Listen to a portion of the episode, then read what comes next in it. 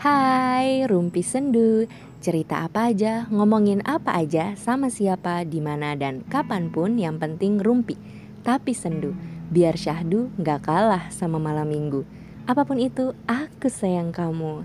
Selamat malam minggu sobat jomblo yang ui ui ui seksi dan berdikari Jumpa lagi bersama aku di Rumpi Sendu Yeay Akhirnya ada kelanjutannya juga kan di podcast Sekarang di episode kedua dari podcastku ini Aku mau ngobrolin tentang people pleaser Apa itu people pleaser? Kalau aku ketik di Google Translate ya People pleaser itu artinya orang-orang menyenangkan tapi kalau cari artikel di Google tentang people pleaser yang keluar adalah orang-orang yang terlalu baik dan gak tegaan. Pertanyaannya adalah, apa orang-orang baik itu menyenangkan? Kalau orang-orang baik itu menyenangkan, kenapa banyak yang menolak cinta mereka dengan alasan kamu terlalu baik buat aku? Jadi gini loh, uh, kecenderungan people pleaser adalah sikap untuk selalu memberikan yang terbaik buat orang di sekitarnya berkorban untuk orang yang dicintainya, berusaha selalu ada buat siapa pun yang sedang mengalami masalah dan gak bisa berkata tidak. Mungkin bisa, bisa banget malah, tapi di dalam hati. Karena kalau dia ungkapin, itu akan bikin dia stres sendiri. Soalnya gagal tuh menyenangkan hati orang lain. Kepikiran gitu, aduh gimana ini, nanti dia marah, nanti dia sedih, nanti dia kenapa, nanti dia bisa napas nggak ya? Ah, aku nggak bisa kayak gini, nggak apa-apa aku yang tersiksa, yang penting orang lain bahagia ya tipikal-tipikal cewek terzolimi di terzolimi di FTV Indosiar gitulah. Lalu siapa sih yang termasuk dalam kategori people pleaser ini? Aku. iya, aku. Kamu kita. Semua orang pernah dan bisa menjadi people pleaser, baik secara menyeluruh maupun lingkungan sempit. Kenapa? Karena pada awalnya menyenangkan orang lain adalah suatu kebaikan ada untuk orang-orang yang sedang mendapat masalah juga suatu kebaikan. Membantu orang kesusahan adalah kebaikan. Memberikan yang terbaik juga sebuah kebaikan. Berkorban untuk orang yang kita cintai juga sikap yang baik kan? Asal nggak diungkit dan dipikirkan. Kayak yang, ih dia kok jahat sih padahal tiap dia susah aku selalu bantuin. Tiap dia ngutang aku kasih meski sampai sekarang nggak pernah dibayar. Nah yang kayak gitu-gitu tuh bikin napas jadi nggak lega secara nggak sadar kita udah nggak menikmati hidup karena memikirkan kebaikan kita yang nggak berbalas sama halnya dengan kebiasaan orang Indonesia berbalas budi nih. Tetangga ngasih combro satu rantang ke kita. Malamnya kita mikir aduh besok kasih apa ya buat dia? Kalau misalkan besok ngebalikin rantangnya kosong kan nggak enak. Tapi kalau ngasih juga bingung belum lagi bulan ini banyak pengeluaran, pemasukannya dikit, utang di warung belum dibayar. Terus juga kalau ngasihnya sama-sama combro, ntar disangka nggak kreatif.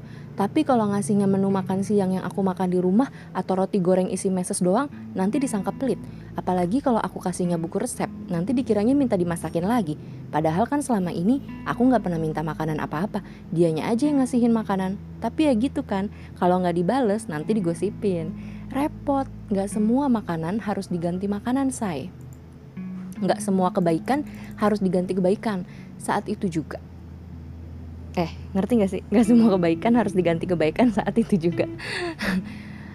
Sekarang mending tuh gimana ya? Kita tanamkan dalam diri kita kalau berbuat baik itu adalah tindakan spontan, nggak sengaja, nggak ada rencana. Kenapa kamu baik? Aku baik karena Ya elah, pantat panci, segala ditanya orang baik alasannya apa. Yang kayak gini-gini nih, yang bikin banyak orang skeptis, banyak orang tertekan, banyak banyak orang yang anehnya gimana ya nyari-nyari orang yang tulus tapi begitu dapat yang tulus langsung galau ih aku ini orang jahat nggak cocok nerima ketulusan dan kebaikan orang lain tapi begitu lagi ngincer orang langsung deh berusaha jadi yang terbaik. Berasa berkorban berasa yang ya Tuhan aku ini loh cakep udah baik udah kurang apa lagi coba? Kok banyak orang yang jahatin aku? Ya lo lama-lama bingung dah. Aku ini apa? Aku ini siapa? Adakah dalam diriku separuh malaikat namun seluruhnya setan? Nah jadi pada dasarnya orang-orang kita nih keblinger memetakan kebaikan. Makanya ada yang senang dibilang jahat karena males sama kebaikan yang dianggap lemah, ada yang senang dibilang baik karena takut digosipin takut dijauhin, takut ditinggal pergi, dan banyak alasan lain. Kadang masih banyak juga orang yang bingung ngebedain antara menjadi menyenangkan dengan menjadi badut dalam sebuah perkumpulan. Kita menyenangkan, kita disenengin, karena ya kita menyenangkan. Kita jadi badut dalam perkumpulan, kita juga disenengin tapi karena kita ditertawakan nah terus orang-orang baik yang tersesat ini pasti bakal bilang nggak apa-apa yang penting orang lain bahagia padahal hatinya menangis gitu Diam-diam sering nge-share quotes penguat hati atau kutipan-kutipan galau. Ntar kalau ditanya kenapa, jawabnya nggak apa-apa, sekedar mengingatkan. Atau ah ini iseng aja gitu. Padahal hatinya makin teriris ya kan. Unik emang manusia, merumitkan diri sendiri dan berharap orang lain bakal paham dengan kerumitan itu. Padahal kan kita sama-sama tahu, kita yang bertanggung jawab atas diri kita sendiri. Hmm, sekarang aku mau ngobrolin lagi soal kelakuan people pleaser. Jadi kita bisa menilai diri kita terlalu baik atau enggak enakan dan bisa menilai orang terdekat kita mengalami hal ini juga apa enggak kalau ada ciri-ciri berikut nih ya. Dengerin nih. Berpura-pura setuju pada pendapat orang lain. Satu. Yang kedua, was-was dengan perasaan orang lain. Tiga, terlalu sensitif dan mempedulikan pendapat orang lain. Empat, berpura-pura baik padahal hatimu ambiar. Lima, terlalu sering minta maaf karena merasa bersalah. 6. Kayak ngedikte, menyibukkan diri dengan apa yang orang lain inginkan. 7. Tidak nyaman bila ada orang yang marah. 8. Cenderung menjadi copycat. 9. Overthinking. 10.